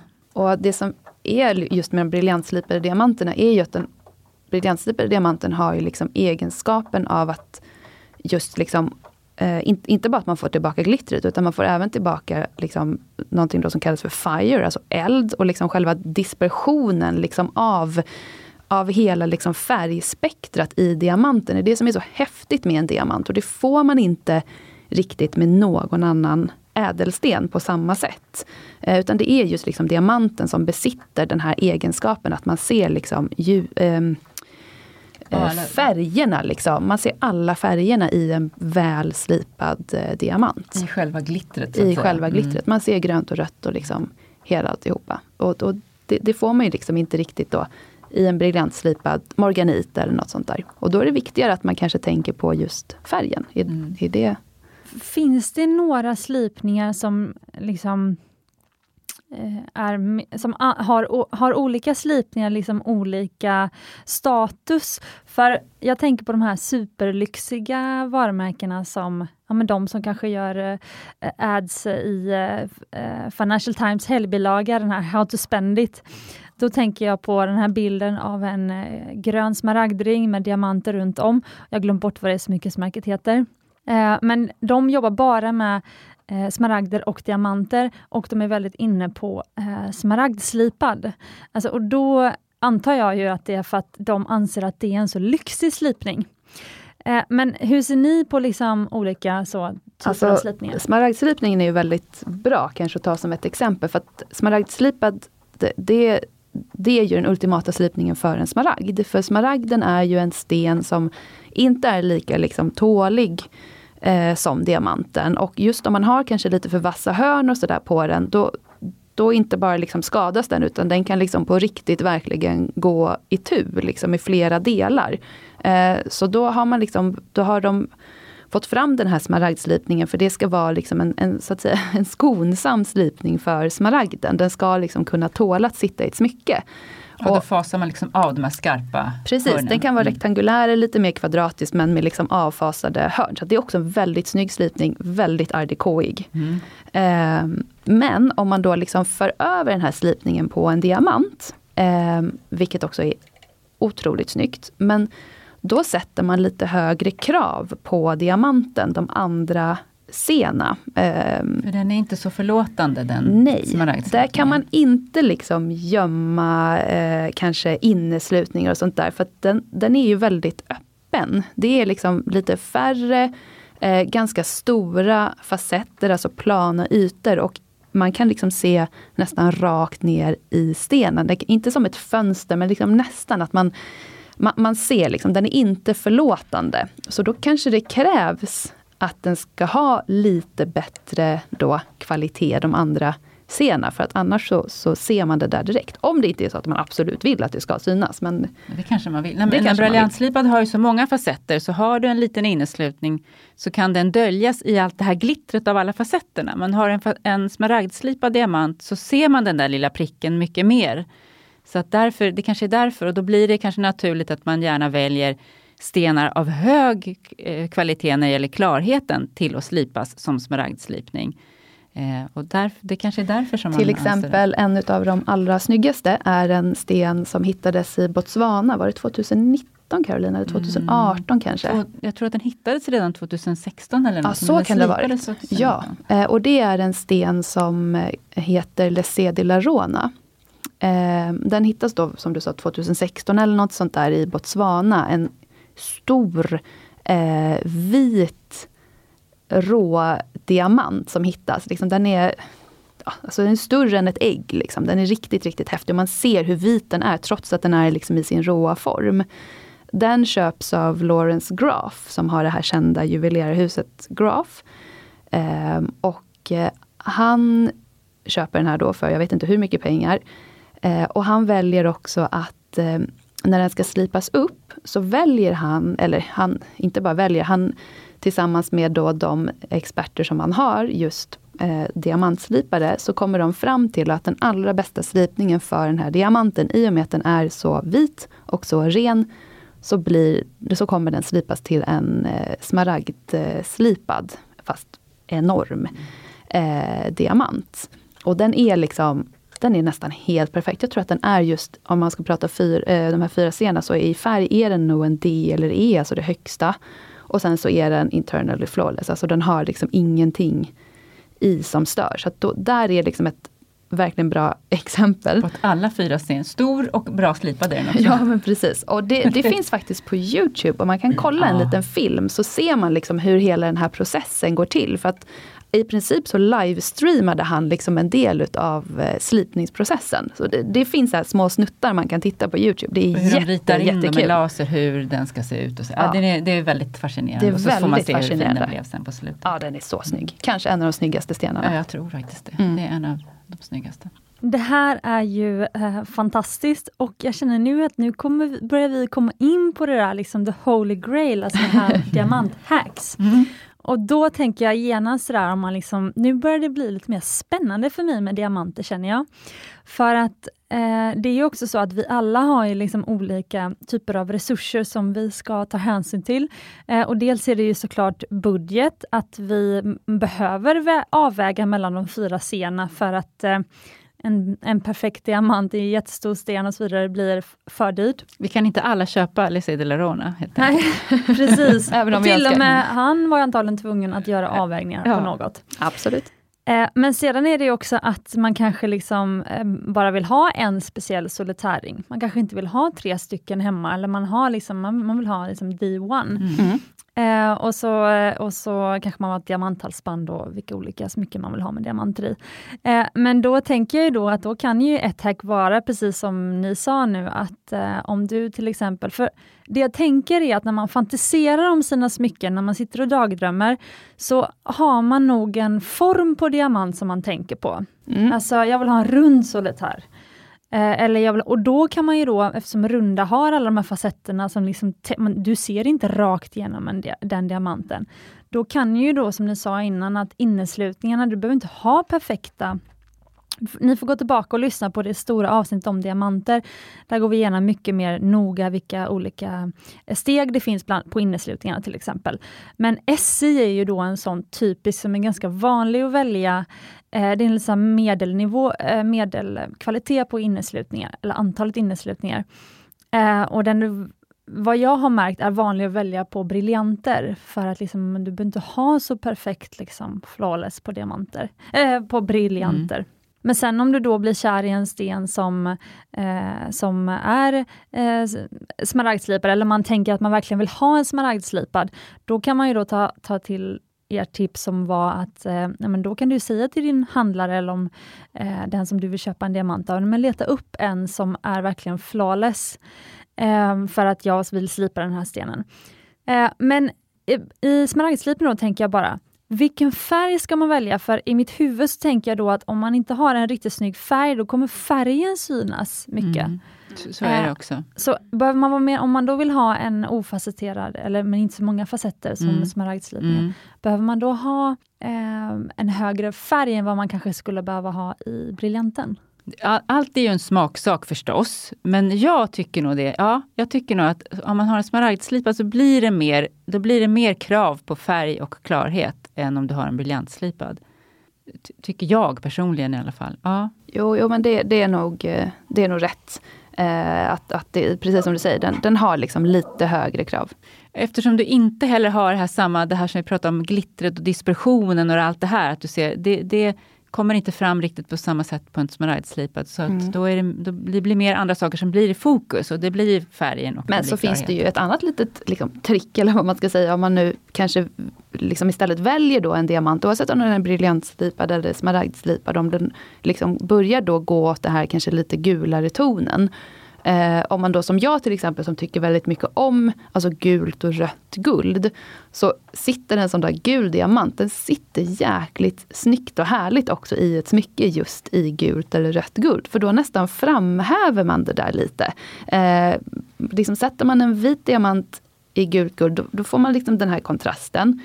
Eh, lite mot det gula plus att diamanten liksom kan nästan ta åt sig lite av metallen liksom den sitter i. Att den liksom kan uppfattas lite gulare än vad den är. Men alltså, det, det är jäkligt liksom härligt och snyggt med kanske då en lite, lite mer liksom gultonad diamant i det här gula, gula guldet. guldet. och jag har börjat tycka också på senare tid att det är jättesnyggt när diamanterna går lite åt brunt. Ja, det är jättehäftigt. Det är jättesnyggt faktiskt. Ja, alltså champagne liksom. Ja. ja, tack. Ja, jag är ju all, alltså, all for brown, jag älskar mm. de bruna. Ja, jag tycker det faktiskt. Det, det, det är en bortglömd man, är, man har varit för inriktad på att det bara ska vara vit. Och, och, man, och då är återigen det här, man kanske ska titta på vad man egentligen gillar bäst, vad som tilltalar en bäst. Inte vad som ska vara på pappret dyrast, utan man kanske ska tänka på vad tycker jag om. Mm. Men de bruna och de så fancy colors som ju om man på svenska skulle översätta det skulle det bli liksom snyggt färgade diamanter. Mm. De går ju utanför JAs skala. Mm. Så JA vill ju bara alltså, ge ut, alltså för de fyra scenerna, den här klassiska diamantskalan, den går ju från D till Z. Och en sidonot är att om ni undrar varför den finaste kallas för D och inte för A, så är det för att man inte ville blanda ihop det med de tidigare systemen där man kallade dem A, B, C, så att man började på D istället. Eh, men sen så säger de att fancy color kommer till de som har en så bra färg de inte längre är missfärgade vita som de nere på Z är utan, och de innan Z, eh, utan att de liksom har en helt annan skala. Precis, de går beyond Z och då blir det liksom positivt med färgen istället. Exakt. Mm. Men tycker ni att eh, liksom de här klassiska diamantvärderarna har lite fel där? Tycker ni att de här liksom STUV, alltså de färgerna och ner på Z kan funka? Alltså det, det kan vara liksom Eh, Eh, ja, eh, absolut. Först och främst ja, det tycker jag definitivt att de kan göra. Ja, det kan vara liksom, man kan kalla det kanske för så light yellow, alltså lite ljusgul. Allt handlar ju liksom lite om hur man kanske presenterar också den här produkten som man då har. Jag kan tycka att en light yellow diamant kan vara riktigt snygg och riktigt cool. Och den kanske är där nere liksom. Eh, ja, KLM, QRS, alltså där liksom åt det hållet. Um, så, ja, nej, ja alltså det, det, men samtidigt så tycker jag ju att eh, det är väldigt bra att den här skalan finns. För den hjälper ju liksom oss väldigt mycket liksom i vårt vardagsarbete. Men det kan vara jättesvårt liksom, där nere att veta exakt vilken det där bokstav. Är väl, eh, man, jag kan ju tycka personligen att det, att det funkar på det sättet. Jag tycker att det är snyggt när det är lite, lite ton. Men här pratar vi också mycket om ekonomi. Att eh, eh, om du får en sten till att bli då mer färg än Z, då har du helt plötsligt helt andra pengar i stenen. Så den som ska sitta och gradera eh, eh, har ju liksom ett verkligen precisionsjobb där om vilken sida av gränsen man kommer. Kommer man på liksom bokstavsskalegränsen och Z, och då, då, blir det inte, då blir det inte så mycket pengar. Men kommer man på fancy-sidan, då blir det plötsligt värt mycket mer pengar. Och det där kan ju vara, kan man ju kanske tycka eh, eh, kan vara liksom fjantigt att det kan vara så så liten skillnad, men, men det har ju jättemycket med, med, med pengar att göra, att det efterfrågas de här fancy färgerna, som de här, om vi säger snyggt färgade, eller vad man ska säga, de, de kostar ju så himla mycket mer än mm. Det är ju de mm. diamanterna som på senare år har slagit rekord på alla stora auktioner. Det har varit just de blå och de rosa och de som har liksom mycket och intensiv färg. Så att det har inte alls varit de här vita, förutom kanske den här Lessé de la Rona som vi nämnde för en stund sedan. Men just, just liksom starka fancy färger. Eh, Pink Legacy och och där vill man då kanske gärna, om man lämnar in en, om diamanthandlaren lämnar in sin sten till, en, till GIA till exempel, till, och, och blir certifierad, så, så vill man ju väldigt gärna att det ska, att det ska komma tillbaks då, att det, det står fancy pink, fancy light pink istället för att det står ja, Z eller något sånt.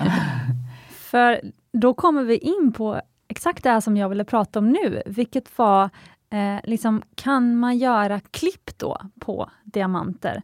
Alltså, den lyssnaren som nu verkligen har blivit, liksom, precis som jag, som blivit liksom taggad på att liksom gå ut och hitta min speciella sten.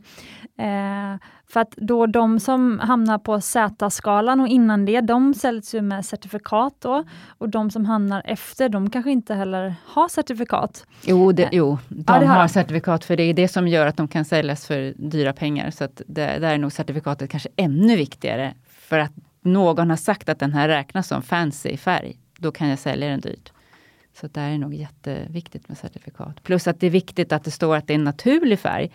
Det måste vi också prata om, att det är bara de som mm. är naturligt färgade som är dyra. Just det. det finns ju eh, diamanter med färg som är behandlade så att de får färg och de kostar inte alls så mycket. Så det är också viktigt att det har ett certifikat som talar om att det är naturlig färg.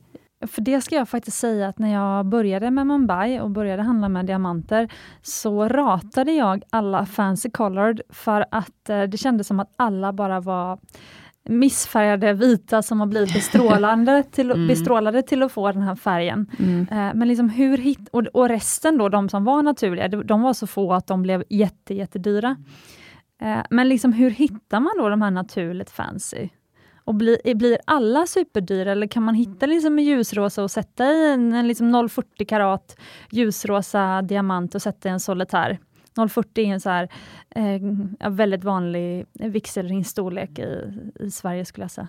Nej, ska du ha en 040 och du vill ha en fancy, oavsett om det är en, liksom en intensivt fancy färg eller om det är en, en ljust fancy färg, så betalar du kopiösa pengar.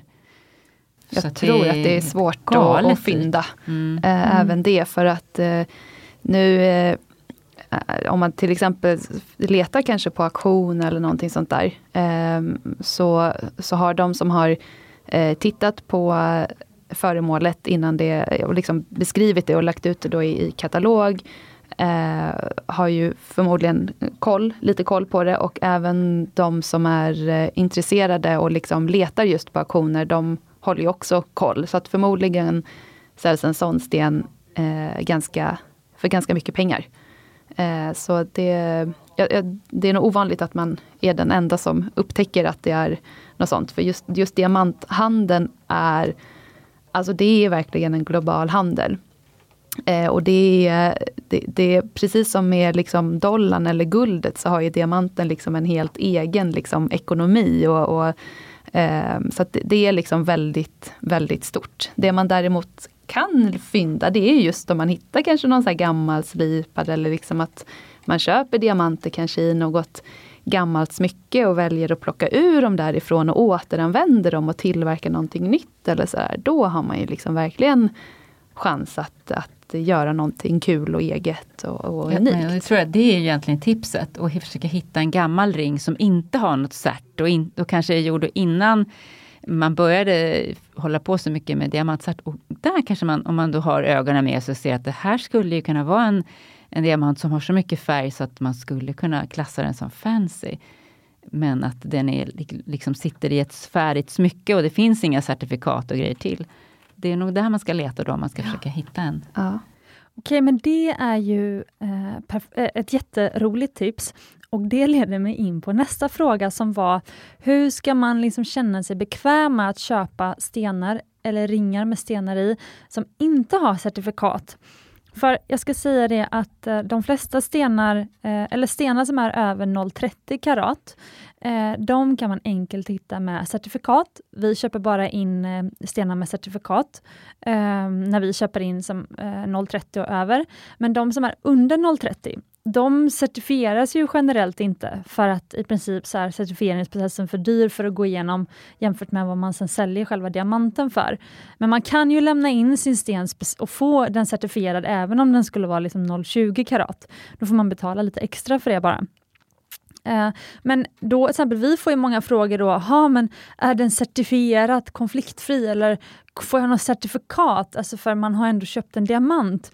Och så känns det nästan oseriöst fastän att vi inte har valt det själva utan det är ju liksom diamantindustrin som har mm, valt den, det. är det standard liksom. Mm. Exakt, men liksom hur kan man um, det blir nästan två frågor igen för att jag talar nästan, jag vill undra det själv vad jag ska säga till kunderna när det liksom inte finns ett certifikat i princip. Um, men sen så är det också det här hur man som konsument då ska liksom känna sig trygg med att köpa en ring för kanske 25 000 på auktion som de säger att det är 0,50 karat diamant men uh, det finns inget certifikat på det. Jag tror att ja, det där är en väldigt, väldigt intressant fråga. Och det här med certifikat är någonting som har seglat upp de senaste tio åren kanske, att det har blivit så himla vanligt med certifikat till diamanterna. Det var faktiskt inte alls lika vanligt förut. Och det är såklart att det har att göra med att du som lekman, om du inte är van att titta på diamanter, då har du ingen aning själv om vad det är för färg eller för klarhet. Du kan inte se någon skillnad själv. Du kan inte se, ja men jag tror nog, du säger att det är en H, men nej, jag tror nog att det är en J. Det, kan, det har du ingen som helst chans till om du inte kan stenar. Och därför är du så utlämnad till den som säljer. Och det som Victoria sa tidigare, hela den här branschen handlar så mycket om förtroende. Så att om du köper dina smycken av någon som du har förtroende för, då vet du att den personen kan det här. Så den personen kan se vad den här diamanten har för kvalitet utan att det behövs något certifikat. Och även se att det är en naturlig diamant. Och även se att det är en naturlig diamant. Eh, men om du inte vet, jag menar som nu kanske när man ofta kanske när man beställer på nätet och så, då är det så anonymiserat. Du har inte någon person som du köper av eller som är din juvelerare eller din, utan det är någon, någon, anonym sida bara som du klickar hem en sten från. Då vet du inte du vad, vilka är det som har tittat på den här stenen? Vilka är det som säger att det är den här kvaliteten? Och därför finns ju certifikaten, för det är ett, ett, liksom ett välrenommerat laboratorium som talar om att det är den här och den här kvaliteten. Och, och då tycker jag också man ska tänka på det att det är också människor som sitter bakom och gör. Det är inte någon maskin som talar om vad det är för kvalitet, utan det är människor som sitter bakom. Och det finns vissa laboratorium som är mer pålitliga och det finns andra laboratorium som är mindre pålitliga. Och genom åren har det där också kanske växlat lite. Om man vet att om det är en sten som är certifierad på 80-talet från det här laboratoriet, då vet vi att det där stämmer förmodligen inte. Men idag kanske man kan mer lita på det laboratoriet. Och även de här, det finns ju egentligen två laboratorier som är absolut mest liksom välrenommerade. Och även på de laboratorierna så har jag och du, mm. Victoria och kollegor till oss, med våra egna ögon sett att det här stämmer inte. Det, det, vi håller inte med om det här. Mm. Så det är, det, det, är, man är också utlämnad till certifikaten där. Men sen kan jag hålla med om att vilka är vi då, några gemologer i Sverige, som kommer och säger ni har fel där på det här stora laboratoriet. De har fel. Men, vi, men, vi, men de lyssnar ju inte på oss, så att säga. Men som konsument är du liksom, ja, det är det, det är det enda du har då. Det är ett certifikat, så i alla fall det är någon välrenommerad som har sagt att det här stämmer. Jag som har hållit på med det här många år och Victoria som har hållit på med det här många år, som håller på med det här varje dag. Vi kan ju vara ganska, vi, jag måste säga det, vi, vi kan ju ganska säkert säga Mm. Det är den här färgen och det är den här klarheten. Vi behöver mm. inga certifikat. Men och det vet ju våra kunder, som är våra stamkunder och som litar på oss, att det vi säger att det är, det, det kan de lita på. Mm. Det kan vi stå det kan för. Vi stå liksom. för mm. så att säga. Men, men, men det, är, det är en förtroendebransch. Och köper du på auktion, tror jag, bara för, då, då tror jag snarare att man gärna sätter lite lägre, om man är osäker, så sätter man lite, skriver man lite lägre kvalitet för att man ska vara, liksom, ha ryggen fri så att det inte ska kunna komma någon och säga nej men det var någon annan som sa att det, det, det var lite sämre än vad ni sa. Så, så jag tror att för det mesta i alla fall så tror jag att de smyckena som säljs på auktion, där man vet i alla fall att det finns duktiga gemologer som sitter och tittar. Där tror jag också man kan vara ganska trygg i att de kan sin sak och de liksom gör inga glädje... Eh, eh, vad heter det, bedömningar utan, utan de tar hellre det säkra för det osäkra och sätter lite lägre om de är, om de är tveksamma. Och vilka är de här två laboratorierna som var de, är liksom de, mest, de främsta just nu? Ja, det är ju dels GIA som, som ni använder er av. Det är Gemological Institute of America. Alltså. Det mm. förkortas lite mm. så här, kanske slarvigt ibland som GIA eller GIA.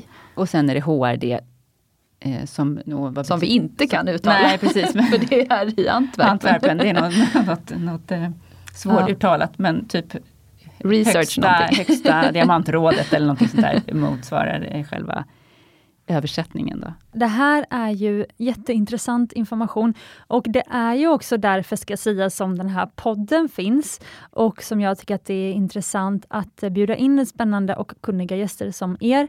Eh, för att det är ju viktigt att liksom få den här andra rösten som säger att bara för att det är ett institut så jag håller inte med. Nej, oftast gör man det, men faktiskt inte alltid. Exakt, så, att, så att det är ändå, det är liksom inte maskiner som kollar det här, utan att det är liksom den mänskliga faktorn som spelar mm. in. Eh, och eh, eftersom att det inte finns så mycket, vi, vi, jag tycker ändå vi får vara glada att eh, GIA liksom började med diamantcertifieringssystemet och att de här, det finns vissa andra organ också nu som, som också gör det. Eh, för att det har ju någonstans gett en liksom reglering till branschen. Mm, och, och någon trygghet är det ju också för konsumenten. Precis, då. och även Kimberley-processen då som ska säkerställa att, att mm. eh, diamanthandelns pengar eh, eller, eh, går till fredliga källor. Men, men det är ändå viktigt för att det, som, det finns ju ingen reglering i Sverige till exempel att man måste vara utbildad för att få köpa, eller eh, sälja diamanter, alltså handla med diamanter. Alltså det är väldigt mycket, till och med att liksom sälja hus, eller alltså du får inte, du måste gå via en mäklare väldigt ofta. Eller det finns liksom regler kring det och du måste vara certifierad och sånt och även att vara eller om det är hudterapeut, nu har jag glömt bort, men eh, om det är hudterapeut där man inte faktiskt behöver vara certifierad, man får vara hudterapeut, man får kalla sig det ändå. Men, men jag ska låta det eh, vara eh, eller någon lyssnare får gärna då säga hur det är på riktigt. Till, ja. men, men det här med i alla fall att inom vår bransch, så förutom att få sina smycken värderade, då ska man vara utsedd av Svenska Handels eh, Ja, det, det fin jag ska säga så här, det finns ju säkert duk väldigt duktiga värderare som inte är ehm, eh, förordnade. förordnade av Svenska mm. Sveriges Handelskamrar som kanske inte tycker att de vill eh, ja, av någon anledning tycker de inte det är värt att, att göra det. Så det är inte så att bara för att man är eh, förordnad av Sveriges Handelskamrar om man, eller om man inte är det, betyder att man är dålig, utan absolut inte. Och, men, men det är någon form av eh, vad ska man säga, certifiering eller någon form av erkännande att man har det, här i alla fall ens att man är proffs så att säga, på det man gör? Ja, men det, jag tror det kommer ifrån att eh, Alltså tidigare så var ju när försäkringsbolagen skulle få, liksom, till exempel när det hade varit inbrott hemma och man hade förlorat smycken, för att inte guldsmederna som sen skulle få jobbet att göra de nya smyckena skulle göra liksom drömvärderingar av smyckena, mm. så nu är försäkringsbolagen väldigt noga med att det måste vara liksom någon extern värderare, mm. eller en utsedd värderare mm. då, som ja, ni är till exempel. Mm. Så, att, så, så, det är bra att det finns. Men sen finns det många som är duktiga som inte är eh, förordnade för att de helt enkelt kanske inte har varit intresserade av att ansöka om det. Ja, och så finns det olika slags förordnanden också. De som är förordnade är inte alla till exempel gemologer och liksom tittar på, på smycken. De, de kanske bara jobbar, bara, de kanske jobbar med försäkringsbolagen och liksom hjälper till just när någon har förlorat ett smycke. Det behöver inte betyda att de eh, titta på liksom, smycken live så att säga. Utan de, de kanske inte kan bedöma en diamants kvalitet om de, får, om de får det framför sig. För Nej. det är inte det de gör dagligdags. Så att säga. Och de har en annan, en, en annan arbetsuppgift så att säga. Vi ska snart börja avsluta, men jag vill bara gå in lite kort på det här med fluorescens. Ja. Fluorescens är ju ett, ett, ett område som liksom kanske är lite svårt att... Alltså jag upplever att många, eh, när, man, när man gör avvägningar mellan de fyra scenerna, så kanske man snarare väljer att men jag vill ha ganska bra på de fyra scenerna, men det är okej att den fluorescerar lite. Mm. för att då kommer man ner i pris. Och sen så finns det det andra lägret som är eh, jag, kan ta en, jag kan ha lägre på någon av de fyra sena, men den ska vara non-fluorescent, ska absolut inte fluorescera. Kan inte ni berätta lite grann om, kanske lite kort vad det innebär med fluorescens och hur ni si, ser på det? Alltså fluorescens är ju eh, ett, en fysisk, eh, vad säger man, egenskap liksom, som inte alla diamanter har, då som du sa. Det kanske bara är typ 30-40 procent eller något sånt där av diamanterna som fluorescerar. Det, betyder, det ju, har ju egentligen med att göra hur diamanten liksom hur den beter sig i, i UV-ljus? Ja, i UV-ljus, precis. Liksom, om, om den liksom skickar tillbaka liksom, ljus. Så att man ser liksom att, den, att den glöder nästan, kan man säga, eh, i UV-ljus. Och, alltså, det blir som ett blått ljus? Eller orange eller ja, eller rött eller, ja. eller mm. någonting sånt där. Men, men diamanter är den, kanske den vanligaste färgen en diamant fluorescerar är nog blått. Ja, ja jag, tror, jag mm. tror det också. Och, och, men det är ganska intressant det där med fluorescens för att... Um, alltså tidigare så var det ju så här, ew, fluorescens. Alltså det var så här, det, det, en diamant ska absolut inte fluorescera. Absolut inte. Det var liksom, det, det, även om man då liksom inte ser det i vanligt dagsljus så var det ändå liksom ja, något som det absolut inte skulle göra. Liksom. Och det har väl att göra med att man, att man tänker att när en diamant fluorescerar eh, i dagsljus, om solljuset faller ner på diamanten och den fluorescerar, då gör det att den ser liksom lite bättre ut, om den fluorescerar i blått då, att den ser lite bättre ut i dagsljus än vad den egentligen är. Om den egentligen har en färg som, som är säg J eller K, som är med lite tonat gult, så kan den göra intryck av att vara väldigt vit för att den fluorescerar. Så att man, om man då säger inom citationstecken att den skulle fuska, då tänker man. Mm. Den förbättrar liksom, ja, kan den man ser lite färgen. bättre ut än vad den egentligen är. Och jag tror att varför man har varit så rädd för fluorescens, tror jag kan ha att göra med att det, det finns stenar, om de har väldigt, väldigt mycket inneslutningar som, som är väldigt, väldigt små, som, så att de nästan ser ut som en liten dimma i stenen. Då kan det göra att den fluorescerar väldigt mycket, så mycket så att den, kommer, så att den nästan ser liksom lite mjölkig ut. Och det är det, man inte, det är det man inte gillar när den fluorescerar så mycket så att den ser mjölkig ut, för då förstör man ju liksom Det ser ut som att annat. man har droppat liksom lite mjölk i ett liksom glas med vatten. Du vet, det blir liksom lite så här, ja, det är inte transparent Spökmjölk. riktigt längre. Spökaktigt. och, och, det kan jag hålla med om att det är ju inte bra om den fluorescerar så mycket. Men personligen har jag absolut inga problem med fluorescens annars. Nej. Jag kan inte riktigt förstå den här äh, tanken att varför man absolut inte ska ha fluorescens dag idag så välkomnar vi ju nästan lite mer alltså fluorescens faktiskt. Det är roligt för vi har läst, vi läst eh, det var någon artikel här för ett tag sedan som det stod just om fluorescens och då stod det just det här att det kanske kommer att ändra sig nu. Därför att nu när de syntetiska diamanterna finns på marknaden så är det här med fluorescens ett sätt som man då kan använda för att eh, eventuellt identifiera de syntetiska från de naturliga. Och det gör att det var flera, nu kommer jag inte ihåg vilka företag det var Victoria, men det var några av de här stora företagen som istället ville att de ville bara mm. beställa diamanter med fluorescens så att man kunde veta att de var naturliga. Mm. Samt att man hade gjort undersökningar där man har intervjuat människor som inte var liksom i diamantbranschen utan vanliga konsumenter och frågat dem att om en diamant fluorescerar i, i UV-ljus, är det någonting som du skulle tycka var positivt eller negativt? Skulle du kunna tänka dig att betala extra, ett premium? Skulle du kunna tänka dig att betala lite extra om den fluorescerar? Och då tror jag att det var flera som tyckte att ja, det skulle jag kunna göra. Gud vad häftigt, det blir som en extra överraskning i min diamant att den har den här ja, egenskapen Det fanns ju ett, i ett utav de där företagen, tycker jag var lite häftigt. De hade ju gjort ett smycke då med diamanter och liksom i dagsljus så var det ett smycke då, alltså med flera stycken, jag tror det var en brosch eller ett hänge mm. eller något sånt där, med flera små diamanter. Eh, som då var vita och lite bruna och sådär, så väldigt snyggt. Men Eh, sen så var själva andra effekten, andra grejen var att under UV-ljus så var alla diamanterna liksom lite mer åt det lila hållet. Och bara fick en, då fick smycket ett helt annat uttryck. Det blev liksom som som två i ett. Inte för att man hänger under UV-ljus ofta, men kanske på någon nattklubb eller ja. någonting. och det var så himla häftigt att de hade liksom designat det även liksom utifrån den aspekten. Man skulle ju kunna göra en design att man gjorde att det kanske då när man eh, höll smycket under UV så kanske framträdde det ett mönster eller en ja, bokstav eller någonting. Ja. Så, att det, så att det kanske är på väg att ändra sig? Ja, det, med ja, det är svårt. Jag, liksom, överlag tycker jag det är svårt att säga, är det bra eller dåligt med fluorescens? Liksom. Jag, jag, har inte, jag bryr mig inte om det. Nej, men jag, jag, jag min, och min privata eller liksom personliga känsla är att jag börjar mer liksom bara, ja ah, men gud fluorescens, kolla vad häftigt och vad bra. Jag tycker det låter som ett supersmart sätt att eh, när man har en diamant som har någon tint åt, alltså inte perfekt färg, eh, utan har någon tint åt något håll, så om man då kan förbättra den i solljus genom att ha fluorescens så att ja, den blir lite jättebra. vitare. Ja, varför inte? Men sen så det jag såg bara en bild var ett par örhängen där man hade, det var som ett kluster av diamanter, det var kanske 15 diamanter i varje örhänge.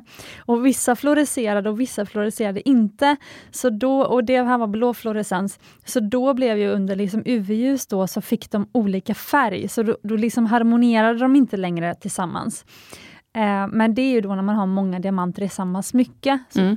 så kanske att de, eller så gör man ett mönster som ni sa. Mm. Ja, det, det mm. Det skulle man kunna tänka sig göra om det är någon som vill göra. Som en, en liten hemlig kod som bara du vet som har det här smycket. Att ja, just det. Om du sätter nu ljus och ett kär, kärleksmeddelande. Ett kärleksmeddelande eller någonting.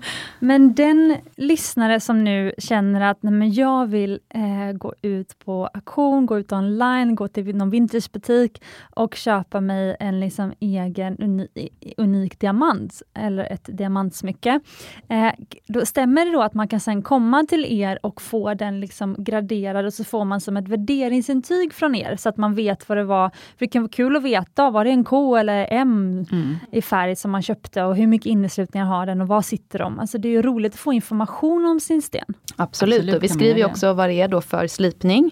Eh, om det är en modern slipad skriver man vilken slipning det är, om den är smaragdslipad eller radiant eller briljantslipad eller om den då är gammalslipad så skriver vi ju såklart det också. Så då, då, får man ytterligare en liten fingervisning om kanske när den kan vara ifrån och så. Jag, jag kom på en sak, när vi pratade om certifikat så nämnde du Cecilia det här med att kanske en del efterfrågar om det, finns, om det är certifierat att det är eh, alltså konfliktfria diamanter och sånt. Det glömde vi bort att prata om. Mm, eh, bra. Och, och, det Ofta står det på, inte på certifikaten, men från eh, de leverantörer som levererar diamanterna så ska det alltid stå eh, att de då använder diamanter som är konfliktfria enligt Kimberley-processen. Och det står det står i fakturan kan man säga. fakturan, mm. så att säga, från den. Och sen finns det även för de som är väldigt intresserade av att eh, köpa en diamant som, eh, där, man, där man verkligen tänker att jag vill, jag vill köpa en diamant som kan bidra till någonting bra. Som, då finns det ju faktiskt idag eh, eh, diamanter som kallas för traceable diamonds och eco-friendly diamonds, där man då kan eh, eh härleda diamanten till eh, en källa så man vet varifrån den kommer. Där man till exempel kan stödja, som vi pratade om, jag tror vi pratade om det tidigare, man kan kanske stödja ett kvinnokollektiv, en mindre, ehm, eh, en, en mindre producent Eh, så om man är intresserad av det, då, då kan man beställa från speciella leverantörer som har specialiserat sig på det. Det finns många bra alternativ om man liksom vill beställa någonting nytt men ändå känna att man eh, beställer någonting som är bra. Liksom. Inte bara liksom, eco-friendly utan även liksom humanitärt. Alltså. Ja, och jag tänker just att det, jag, faktiskt idag hade jag en kund inne som, som skulle beställa ett nytt smycke. Och, och sa just, jag är väldigt mån om att jag vill, jag vill beställa någonting som är, som är liksom eh, eco-friendly, som är det jag kan känna att liksom jag har, tar ett socialt ansvar och sådär. Och då frågade hon faktiskt mig om syntetiska diamanter, för det kommer ofta upp på tapeten då. Och då sa jag till henne att välj hellre, välj inte syntetisk diamant, för då väljer du inte en ädelsten, då väljer du en konstgjord produkt. Och, och förlåt, men eh, de, det är ju mycket högre koldioxidutsläpp, ja. tre gånger så mycket ja, har man gjort du, tester. Precis, du, den släpper ut mer koldioxid och du, du stöttar då producenter i Kina och Ryssland, som kanske inte är de länderna som är mest eh, humanitära. humanitära. Utan välj istället då, eh, då kan vi leta fram diamanter som är spårbara, mm. där du vet vem du stöttar. Du kanske får betala lite mer för det, men då är det kanske då att du har gjort det valet, att det är viktigt för dig. Så det, det är ett mycket bra alternativ om du, om du vill vara medveten om vad du köper för stenar. Så finns det faktiskt idag eh, sådana stenar. För när jag gjorde research då för det här stora diamantavsnittet som är lite mer så utbildande avsnitt, ett av mina såna klassiska soloavsnitt. Eh, men då ville jag verkligen en gång för alla gå till botten med hur ska man kunna liksom eh, veta om den är konfliktfri och vad innebär det, vilken konflikt är det vi pratar om mm. när vi säger konfliktfri, mm. det kanske inte alla vet. Mm. Men det handlade ju om att i vissa delar av Afrika, Kongo, Sierra Leone och så var det ett land till, de har ju diamant produktion, men det var ju också krig där under en period och då var det eh, en del av pengarna från diamantindustrin som gick till att liksom finansiera krigen. Eh, men då kom det också liksom till den här liksom analysen som gjordes i artikeln som jag ändå eh, liksom tyckte var en liksom bra analys. Det var ju att så här, men vilka var råvaror du än köper från vilka länder, så liksom vilken typ av land, alltså köp inte grejer från de länder, oavsett om det är mat eller kläder eller vad det är. Alltså, det finns ju problem i alla branscher och med slavhandel och eller förlåt, slavhandel, slavarbete mm, eller barnarbete ja. eller eh, sådana saker. Så det är ett, ett, mycket större problem än vad bara diamantindustrin ja, har. Titta Absolut. på de här som vi alla går omkring med, mobiltelefonerna. Ja, mobil, precis. Vad finns det inte i dem? Det är hela konsumtions, liksom, hetsen runt omkring det. Så, så, så, att, eh, så, och det tyckte jag var en, en, intressant analys, men sen var det ändå att då, för att det blev ju så stort det här med filmen Blood Diamonds och det populariserades så mycket media kring de här då spännande krigen, mm. som man också kan ifrågasätta sig då, är det okej okay att göra en film om de krigen då? Eller liksom om det här med den typen av handel, då gör man ju nästan reklam för det. Eh, men det är väl en annan... En annan ja, men hur man tolkar själva filmen, ja det är sant. En annan aspekt liksom. Mm. Eh, men eh, det var ju mindre än 1 av alla diamanter, som mest var 2% av diamanter kom från de här konflikterna. Eh, men nu kommer mindre än 1 liksom, av alla diamanter som rör sig kommer från de här områdena. Mm. Men, men nu ska det ändå vara bättre läge i de här områdena. Um, jag håller helt med. Alltså jag tycker den här Kimberley-processen då, som det du pratar om just nu. Ja, den kom ju efter det då, att diamantindustrin ville liksom Precis. Ja, skydda den, sig från det här. Jag tänk, jag, när jag liksom tänker på den, då tänker jag på den som ett slags FN. Alltså ett FN-organ. Precis, jag med. Exakt så. Det är liksom, den, och, och alla vi vet att FN är inte perfekt. De når inte ut överallt, de gör kanske inte, de, de, de kanske inte lyckas liksom. Men tänk om, värld, tänk om det inte fanns ett FN i världen.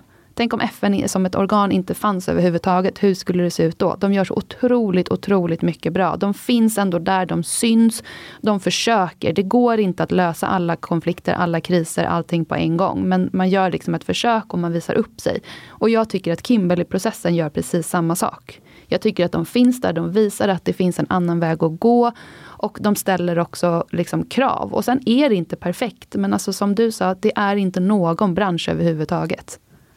Sen, det, sen måste man säga att det är bra att det här har kommit upp till ytan, för det måste man oh, ändå ja. säga, de här inbördeskrigen och det, det har gjort det eh, och att diamanthandeln ja. har finansierat det, det är ju fruktansvärt och det ja. vill, vi, vill ju ingen bidra till.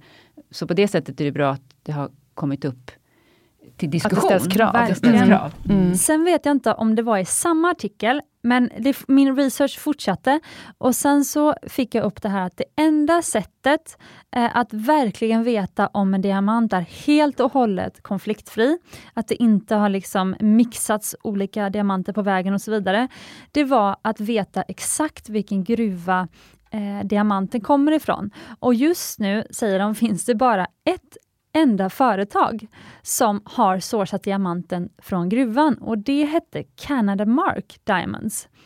Så har ni hört om det här och liksom stämmer det här? Oj, jag så, så känner är... lite dåligt påläst tror jag. För att nej, jag har inte riktigt eh, 100% koll. Jag trodde faktiskt att det var, fanns några andra eh, diamantproducenter som också eh, har, har liksom att, att man kan följa hela processen så att säga från gruva till konsument. Men det kanske är de, det låter som Kanada låter som ett land som skulle kunna ha liksom gjort det här till sin affärsidé. Att, eller Kanada, men det här företaget.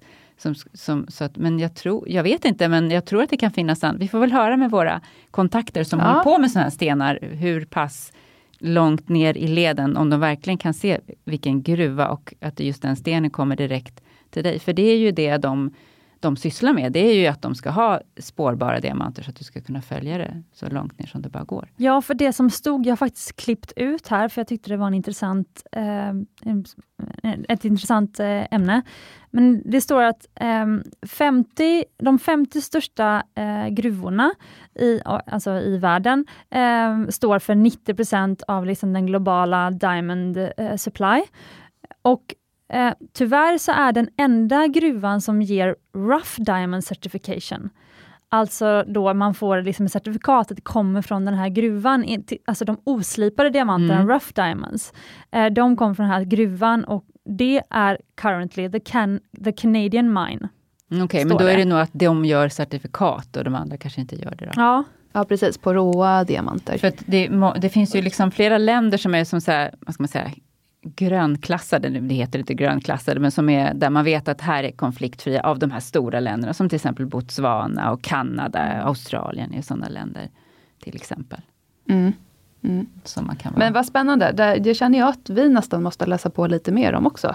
Mm. Faktiskt. Det kanske vi kan också Ja, och certifikatet mm. hette då Canada Mark Diamonds. Så mm. det är det man då ska leta efter. Mm. Okay. Men det vore ju intressant om någon lyssnare eh, kanske har liksom faktiskt köpt en diamant från de här mm. eh, och vill eh, dela sin story. Ja, gärna. Jättespännande. Så skriv jättegärna till Smyckenspoddens Instagram. Ni kan skriva ett eh, DM där och så kan eh, ni delta i den här spännande diskussionen.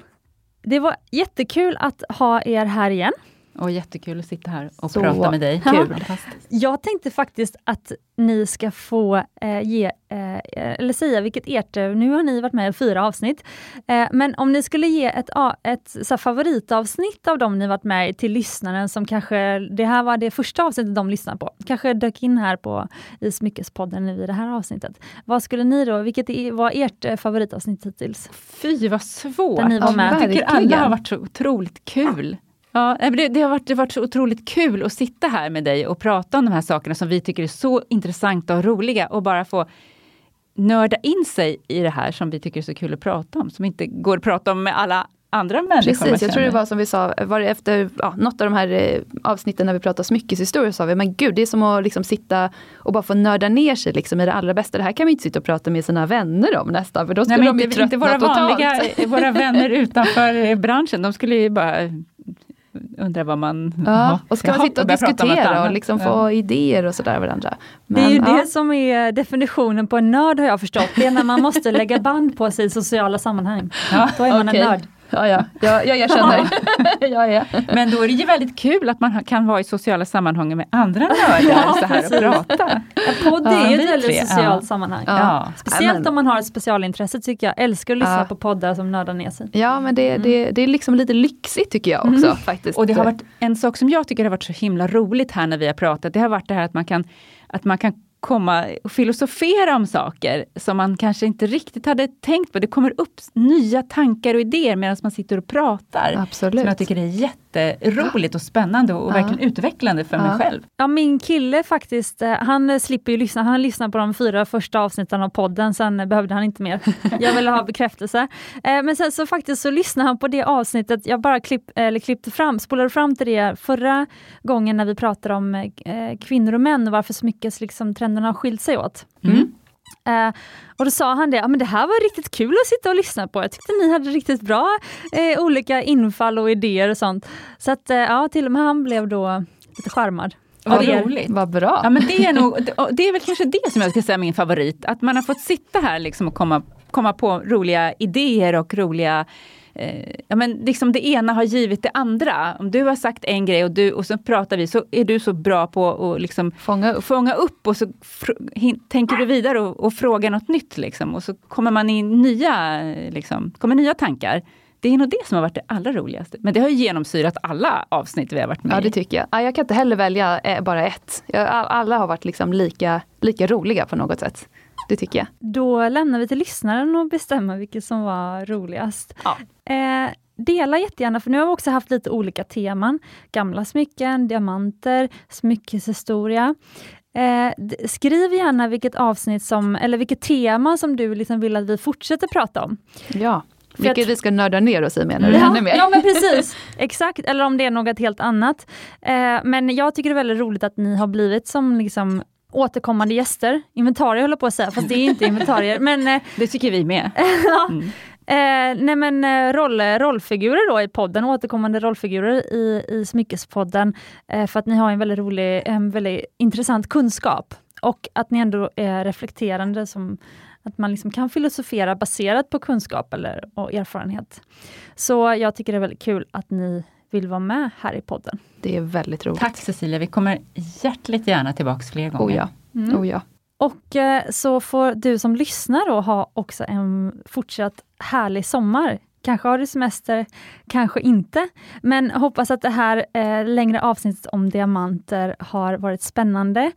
Och om du tycker att vi eh, delar roliga saker i podden och att du lär dig mycket på Smyckespodden och eh, vill att fler ska hitta till oss, då får du jättegärna eh, rita på, eh, alltså du kan såklart börja följa i din podcastspelare, men det är även väldigt roligt om du vill ge några stjärnor, så många stjärnor som du tycker att podden är värd i din podcastspelare.